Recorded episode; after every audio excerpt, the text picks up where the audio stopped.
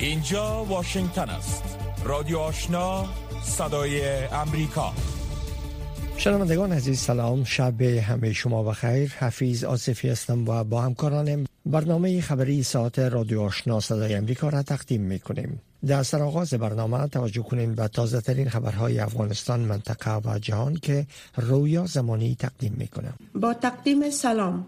انفجار مرگبار در کابل که مسئولیت آن را گروه داعش به عهده گرفت واکنش هایی را به دنبال داشته و گزارشگری ویژه حقوق بشر سازمان ملل متحد و اتحادیه اروپا از طالبان خواستند که برای تأمین امنیت عزاداران محرم در افغانستان تلاش کنند. این انفجار اصر روز جمعه پنجم آگست در نزدیکی یک مسجد در منطقه سرکاریز از مربوطات حوزه ششم امنیتی کابل به وقوع پیوست که در اثر آن هشت نفر کشته و حدود 20 تن دیگر زخمی شدند.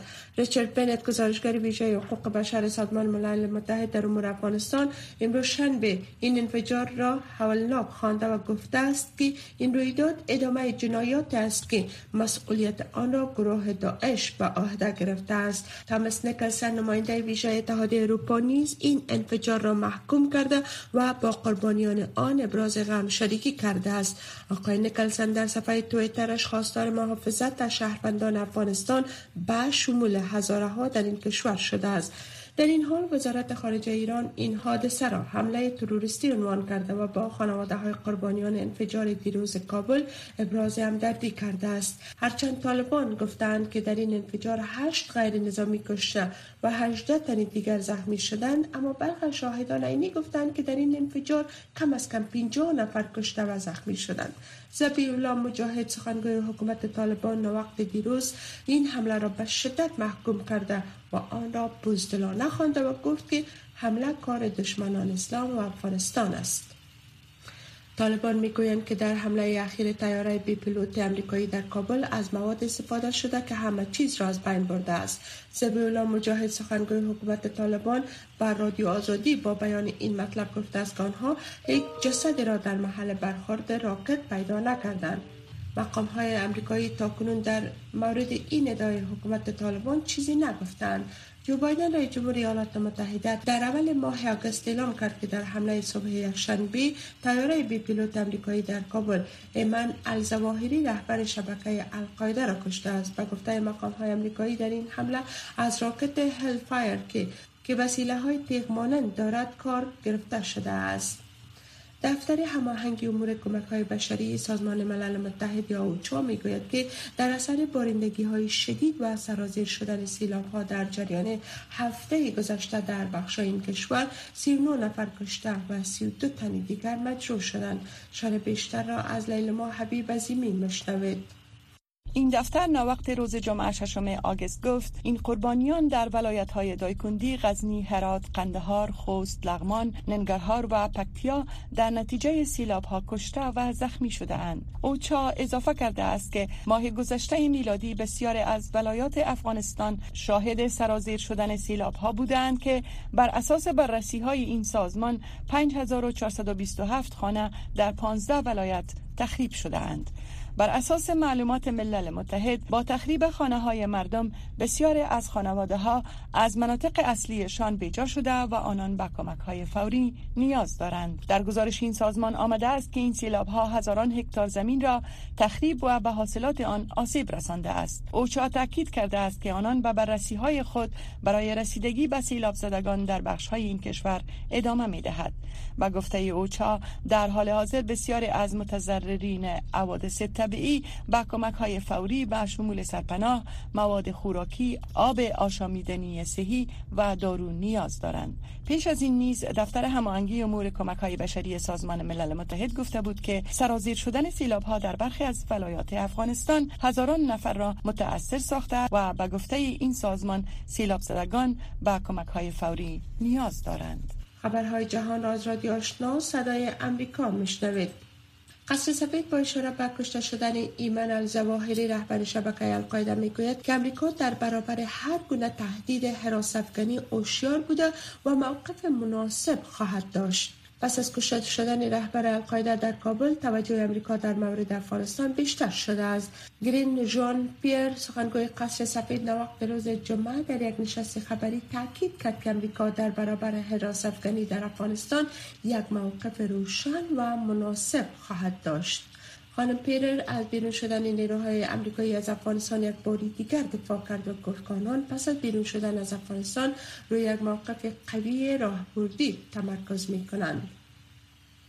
مقام های تایوانی گفتند که تیاره ها و کشتی های جنگی چینایی روز شنبه مانورهای نظامی را بر این جزیره اجرا کردند این حمله بخش از اقدامات تلافی جویانه بیجینگ پس از دیدار نانسی پلوسی رئیس مجلس نمایندگان ایالات متحده است که همچنان شامل توقف مذاکرات با ایالات متحده در مورد مسائل مختلف از جمله موضوعات دفاعی و تغییرات اقلیمی بوده است. سفر کوتاه پلوسی در این هفته به جزیره خودمختار تایوان که چین آن را قلم روی خود می داند صورت گرفت که با خشم بیجنگ همراه بوده و همچنان با راه اندازی تمرین های نظامی به سابقه چین شد که شامل راکت های بالستیک می باشد که می تواند مرکز تایوان را هدف قرار دهد. انتونی بلنکن وزیر خارجه ایالات متحده چین را متهم کرد که با توقف کانال های ارتباطی مهم و کلیدی با واشنگتن گام های غیر مسئولانه را برداشته است و او گفت که اقدامات آن کشور بر تایوان نشان دهنده اولویت بخشیدن استفاده نیرو بر جای صلح می باشد مقامات تایوانی امروز شنبه همچنان گفتند که تمرین های نظامی چین به نظر می رسد شبیه سازی حمله به جزیره خودمختار تایوان باشد. این اظهارات پس از آن به نشر رسید که چندین کشتی جنگی و تیاره های چینایی از خط وسطی تنگه تایوان عبور کرده است.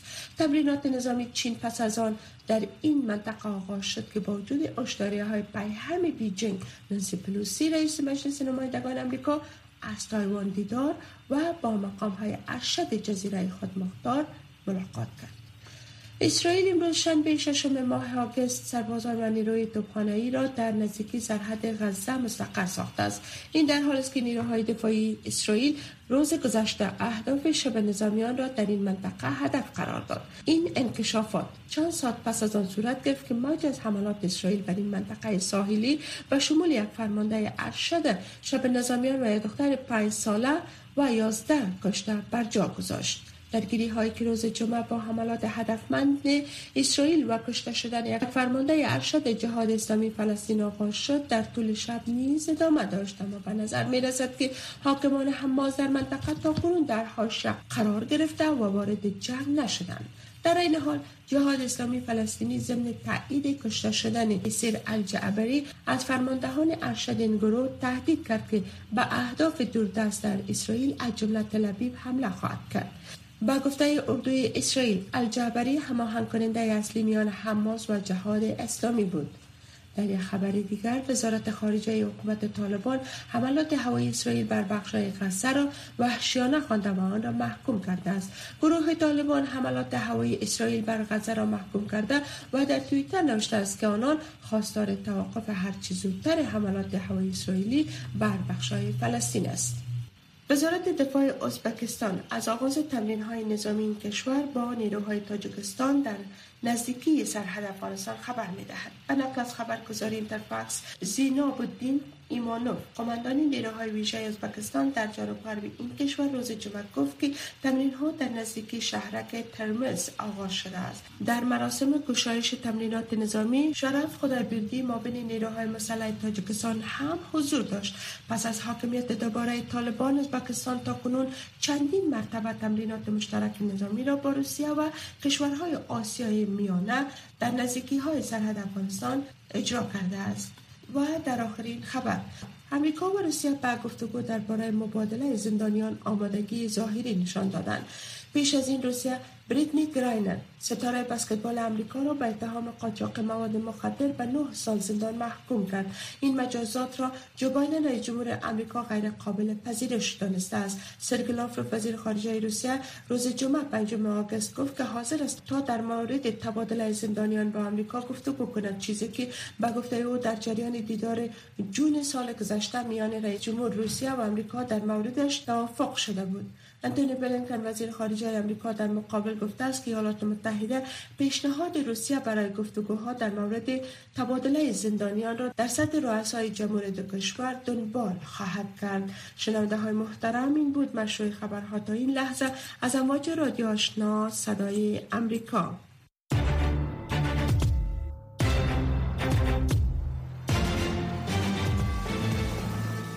روکو راست. صحبت های داغ صاحب نظران و نظریات شنوندگان در مورد خبرها و مسائل روز هر شام از ساعت 8 تا 9 شب در برنامه مشترک دری و پشتوی رادیو آشنا صدای امریکا.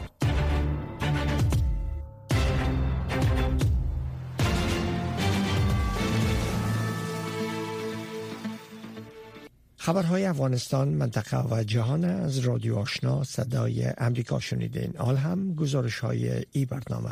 تحلیلگرای افغان میگن که کشته شدن ایمان الزواهری رهبر القاعده تاثیر به عملکرد ای شبکه نداره و اقدام ایالات متحده در ای زمینه تصمیم سیاسی بوده. همچنان شمار از تحلیلگران به این نظر هستند که هدف قرار دادن رهبر القاعده بانه بر تشدید مأموریت ایالات متحده علیه گروه های افغان در منطقه است. جزئیات بیشتر در این گزارش مشنوین در حالی که مقامات ایالات متحده هدف قرار گرفتن ایمن الزواهری رهبر شبکه القاعده را در منطقه محافظت شده کابل یک دستاورد می‌دانند برخی کارشناسان امور به این باورند که این رویداد بر شبکه القاعده تاثیر عمیق بر جان نمی‌گذارد. اسدالله ندیم کارشناس نظامی به صدای امریکا گفت که ایمن الزواهری نقش سمبولیک داشت و بار دوش این شبکه محسوب می‌شد. چون شدیدا تحت تعقیب بود و القاعده برای مراقبت و محافظت از وی بیشترین هزینه را متقبل می‌شد. کشتن ایمن الزواهری در این وقتی که امریکا تصمیم گرفته یک تصمیم سیاسی است. یک تصمیم در قالب مبارزه با تروریسم نیست. همه جهاتش سنجیده شده. بنابراین این کدام تغییری در وضع شبکه القاعده نمیاره. چون که مثلا مسئله سیاسی است. برعکس ممکن بر طالبان فشار زیاد کنه برای طرف های دیگه که با طالبان در تعامل هستند مثلا خصوصا جوانب خارجی که برای همسرت تاثیر منداز به گفته آقای ندیم القاعده امروزی شبکه 20 سال قبل نیست چون نه تنها سرکوب ضعیف شده بلکه در بخش های تشکیلاتی سازمانی مالی مدیریتی و عملیاتی با مشکل مواجه است توانایی انجام حملات و عملیات بزرگ را ندارد و از همین رو کشتن از ظواهری تاثیر بر این شبکه ندارد. این کارشناس نظامی افزود که مأموریت مبارزه با تروریسم ایالات متحده با کشتن از ظواهری پایان نمییابد بلکه گروه های دیگر همانند خود طالبان وجود دارند که ایالات متحده و منطقه را می توانند به چالش بکشند. این در حال است که مقامات ایالات متحده از حمله احتمالی القاعده بر آن کشور هشدار داده اند در همین حال عزیز معارج کارشناس سیاسی نیز با تایید نقش سمبولیک از زواهری در رابطه به مأموریت مبارزه با تروریسم ایالات متحده گفت. یادسات در مبارزه با تروریسم امریکا ضعیف نمی‌سازه بلکه برعکس شدت مبارزه یا فال شدن یا یک بهانه برای فال شدن امریکا به خاطر از بین بردن توریسم را بیشتر می سازد و این تاثیرات خواهد داشتن در سطح جهان خصوصا بالای افغانستان. آقای معارج افزود که این موضوع حتی ممکن است سبب تغییر نظام در افغانستان شود مگر اینکه طالبان زرنگی کنند و به تطبیق موافقت نامه دوحه به ویژه قطع روابط با گروه های تروریستی برگردند ورنه سناریوی سال 2001 دوباره بر آن گروه تطبیق خواهد شد. سید جواد سجادی استاد دانشگاه گفت که با توجه به استفاده سلاحهای هدایت شونده و نقش عوامل استخباراتی توریستان نسبت به گذشته احساس امنیت کمتری دارند و رهبران این گروه ها نیز در هر جایی که زندگی می کنند خود را مسئول احساس نمی کنند. آقای سجادی با اشاره به ظهور گروه های دیگری چون داعش و تضعیف شدن القاعده در برابر آن گروه ها در مورد آینده القاعده چنین گفت با توجه به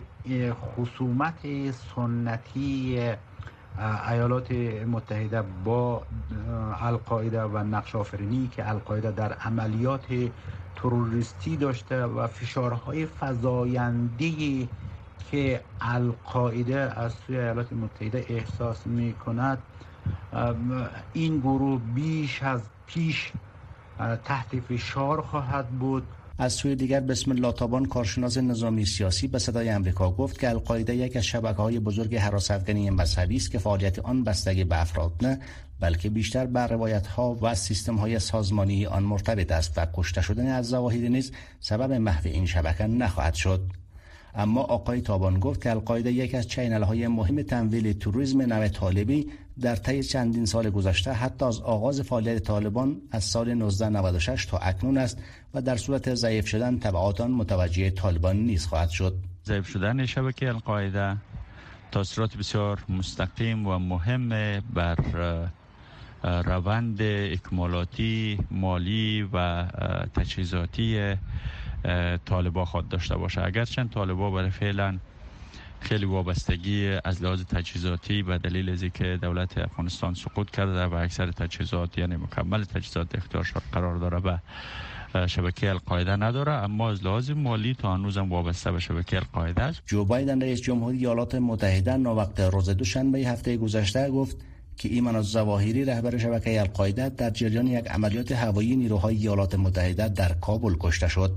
جان کربی سخنگوی مشاور امنیت ملی قصر سفید نیز گفته است که این عملیات طیاره بدون سرنشین آن کشور نشان داد که افغانستان پناهگاه امن برای این شبکه تروریستی نیست و شبکه القاعده قرار نیست در افغانستان پیش برود. شنوندگان گرامی رادیو آشنا صدای امریکا. نشرات رادیو آشنا را در موج متوسط 1296 موج کوتاه 11575 اشاری صفر و در موج 972 کیلوهرتز شنیده می توانید. میلان ورور رئیس انستیتوت زنان صلح و امنیت در پوانتون جورج تاون میگه که مکانیزم مشورتی وزارت خارجه امریکا صدای زنان افغان به گوش مقام های بلندپایه حکومت امریکا میرسانه و بین فعالیت های گروه های حامی حقوق زنان افغان هماهنگی ایجاد می‌کنه. خانم ورور در صحبت با ژیلان نوری نخست در مورد مؤثریت مکانیزم مشورتی وزارت خارجه بر زنان افغان چنین پاسخ داد. وزارت خارجه ایالات متحده امیدوار است که میکانیزم جدید بتواند صدای زنان افغان با خصوص کسانی که به ایالات متحده متواری شدند و کسانی که در داخل افغانستان باقی ماندند و با کسانی که روابط نزدیک دارند در تماس خواهند بود. تا آنها بر سیاستگزاران ما تاثیر گذار باشد تا که بیشتر در مسائل زنان دخیل بمانند. و امیدوارم که این میکانیزم بیشتر به نیازهای آنها رسیدگی نماید. و ما شاید گسترش این خدمات هستیم و خوشبختانه این مسئله را اکنون درک نمودند و این میکانیزم را ایجاد کردهاند. پایگاه های مختلف برای زنان افغان وجود دارد و فعالیت می کنند و می‌خواهند صدای آنها شنیده شود. اما این مسئله باعث ایجاد سرگومی شده است که هر کس با هم ملاقات کنند. برخی اوقات هماهنگی نمی‌شد. به همین خاطر چهار شبکه به شمول شبکه خواهرانه یک شبکه جهانی برای زنان افغان با انستیتوت بین المللی صلح ایالات متحده شورای اتلانتیک و انستیتوت زنان برای صلح و امنیت در پانتون جورج تاون در این میکانیزم سهیم شدند و هر کدام با شمار زیادی از زنان افغان کار می کنند. این کار یک فرصت است که این شبکه ها با هم کار کنند و موقف خود را هماهنگ بسازند و بتوانند با مقامات کلیدی در حکومت امریکا در مورد رسیدگی به نیازهای زنان افغان صحبت کنند. هفته گذشته وزیر خارجه ایالات متحده همراه با نمایندگان زنان افغان عضو این شبکه ها که نامهایشان به همه آشنا است این میکانیزم مشورتی را ایجاد کردند ما در ایالات متحده می خواهیم به حمایت خود با خصوص در بخش رسیدگی به بحران بشری و آنچه بر سر دختران و زنان افغان تحمیل شده است ادامه بدهیم و ما خوشحال هستیم که در این میکانیزم جدید کار می کنیم تا مطمئن شویم که صدای آنها در سطح بالای حکومت امریکا شنیده می شود. اخیرا شماری از قانونگذاران امریکا در نامه به سرمنشی ملل متحد خواهان اقدامات هدفمند برای مسئولیت پذیری طالبان به خاطر ادامه فشارها و اذیت زنان افغان شدند و خواستار وضع تحریم های شدیدتر شدند. به نظر شما این تحریم ها وضع خواهد شد؟ من از جانب سازمان ملل متحد صحبت کردن نمی‌توانم. و مطمئن نیستم تا چه حد این کار خواهد شد. اما شما می‌دانید که به دلیل فشارها بر زنان افغان و دختران افغان و حذف آنها جامعه جهانی نگران است و طالبان تلاش می کنند تا زنان را از جامعه محو کنند و کار نکنند یا مکتب نروند. و نه به جای سفر کرده بتوانند زنانی که در خطر هستند علیه مقررات سختگیرانه طالبان اعتراض می کنند. به همین ترتیب طالبان به تلاش های حراسناک برای خاموش کردن و سرکوبی زنان و دختران افغان اینکه چیپ بپوشند و چهره های خود را بپوشانند و در کل از جامعه حذف شوند ادامه می دهند. به همین خاطر سازمان ملل متحد در آینده نزدیک به این مسئله رسیدگی خواهد کرد و سازمان ملل متحد رویان رایگیری خواهد کرد. با آنکه این تحریم ها ممکن وضع گردد اما اخیرا رفع تحریم ها علیه دو تن از رهبران این گروه را حذف کرد و ممکن رفع تحریم ها بر شمار دیگر از اعضای این گروه نیز حذف گردد.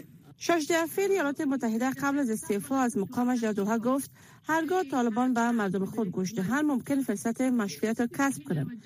آیا شما فکر می‌کنید که طالبان با ادامه چشم پوشی از حقوق زنان و تخطی های حقوق بشر و بدون تغییر رفتارشان به زودی به رسمیت شناخته خواهند شد. فکر نمی کنم به زودی این گروه مشروعیت به دست بیاورد. مطمئن هستم کشورهایی هستند که روابط خود را با طالبان ادامه می دهند و اخیرا در کنفرانسی که در تاشکند بود ازبکستان نمایندگان حدود سی کشور را گرد هم جمع کرد و رئیس جمهور ازبکستان مشخص ساخت که تا زمانی که طالبان رفتار خود را تغییر فاحش ندهند و حکومت نماینده مردم افغانستان نباشند در آن از حقوق بشر زنان و مردان محافظت نگردد و تا زمانی که دهشت افغانی تهدید نباشد و پناه دادن نشود تا آن زمان مشروعیت پیدا نخواهد کرد. به نظرم با که بین نظریات این کشورها تفاوت‌هایی وجود دارد واقعیت این است که مشروعیت طالبان در رأس اجندای این کشورها نبود و به نظرم واقع بینانه است که شاهد وضعیت در افغانستان باشند و برای رفتار طالبان امتیازات بدهند. این هفته شاهد کشته شدن رهبر القاعده در کابل بودیم و پرسش بزرگ این است که چرا در مرکز کابل پناه داده شده بود و از او محافظت میگردید. طالبان قبل از رسیدن به قدرت به خاطر این مسئله تعهد کرده بودند و روابط آنها بدتر نشده و رهبر القاعده را پیدا کردند. و این شخصیت که فعالیت های القاعده را پیش می‌برد و مأموریت مخرب داشت در قلب افغانستان پناه برده بود و ممکن بیشتر شبکه حقانی این کار را کرده باشد.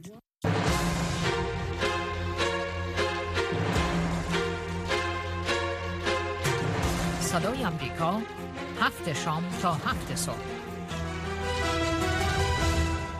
برخی از پناهندگان اوکراینی در لس آنجلس اجازه داشتند در فصل تابستان در لیلیه های محصلان زندگی کنند.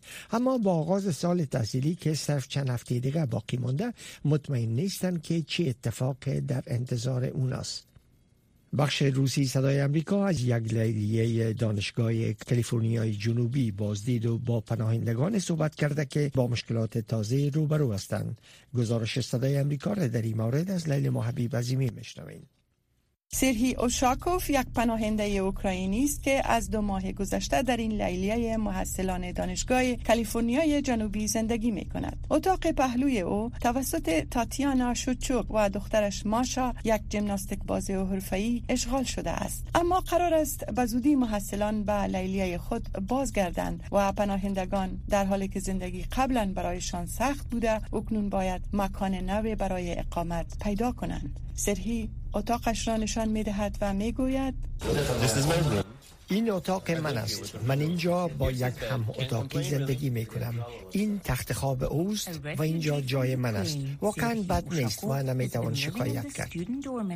سرهی اوشاکوف ابراز می دارد سختترین کار این بود که دیگر نگران این نباشید که فردا کجا باید بدوید. چی چیزی می‌خورید و البته مدیریت استرس. تاتیانا شوچوک پناهنده اوکراینی است.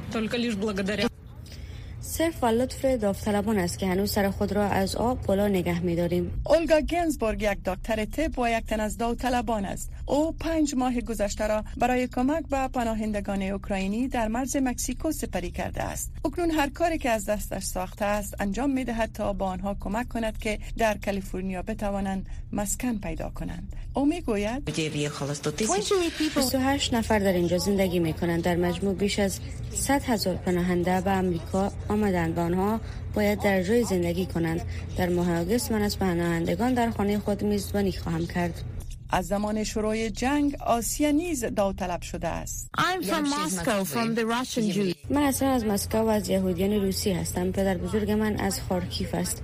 کشور و مردم من به مردم دیگر حمله کردند و می‌خواهند ملتی را از بین ببرند. آنها نمی‌توانند حمله را متوقف سازند. داوطلبان می‌گویند که در تلاش آن هستند تا پناهندگان مجوز کار در ایالات متحده را دریافت کنند. به این ترتیب آنها می توانند هزینه های مخارج خود را تأمین کنند و هزینه های اقامت را نیز بپردازند. اما این روند ساده نیست. یولیا بیکپووا وکیل مهاجرت است. او می‌گوید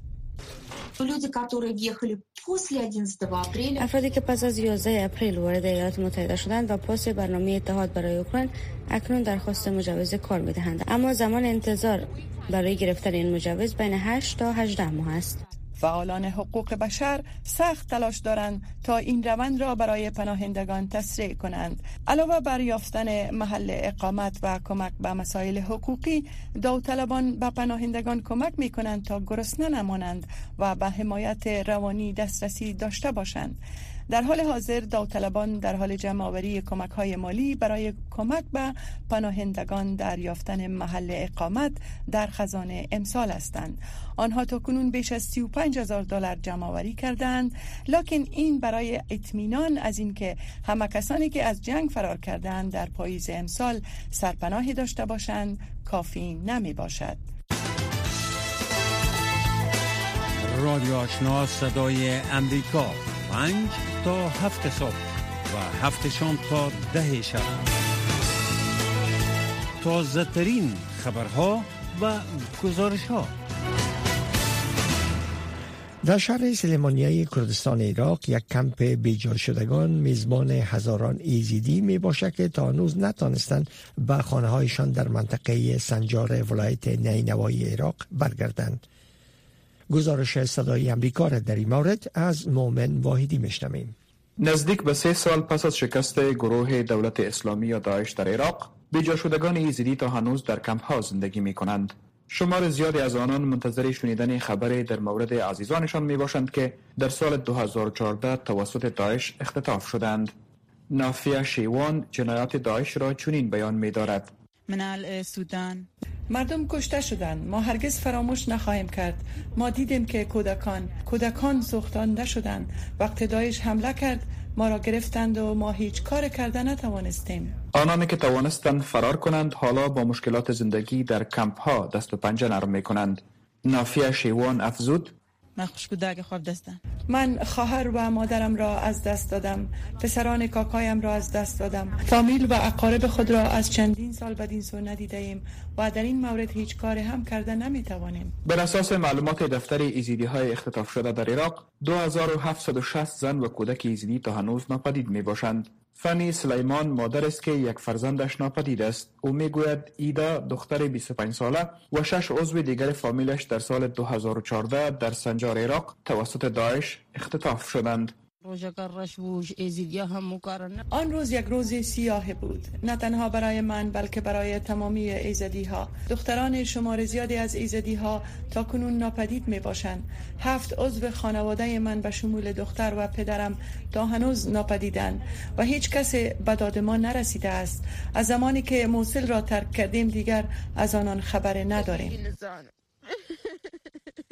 ویرانی به جامانده از جنگ و نامنی بازگشت بسیاری از ایزیدی ها را به خانه هایشان دشوار کرده است.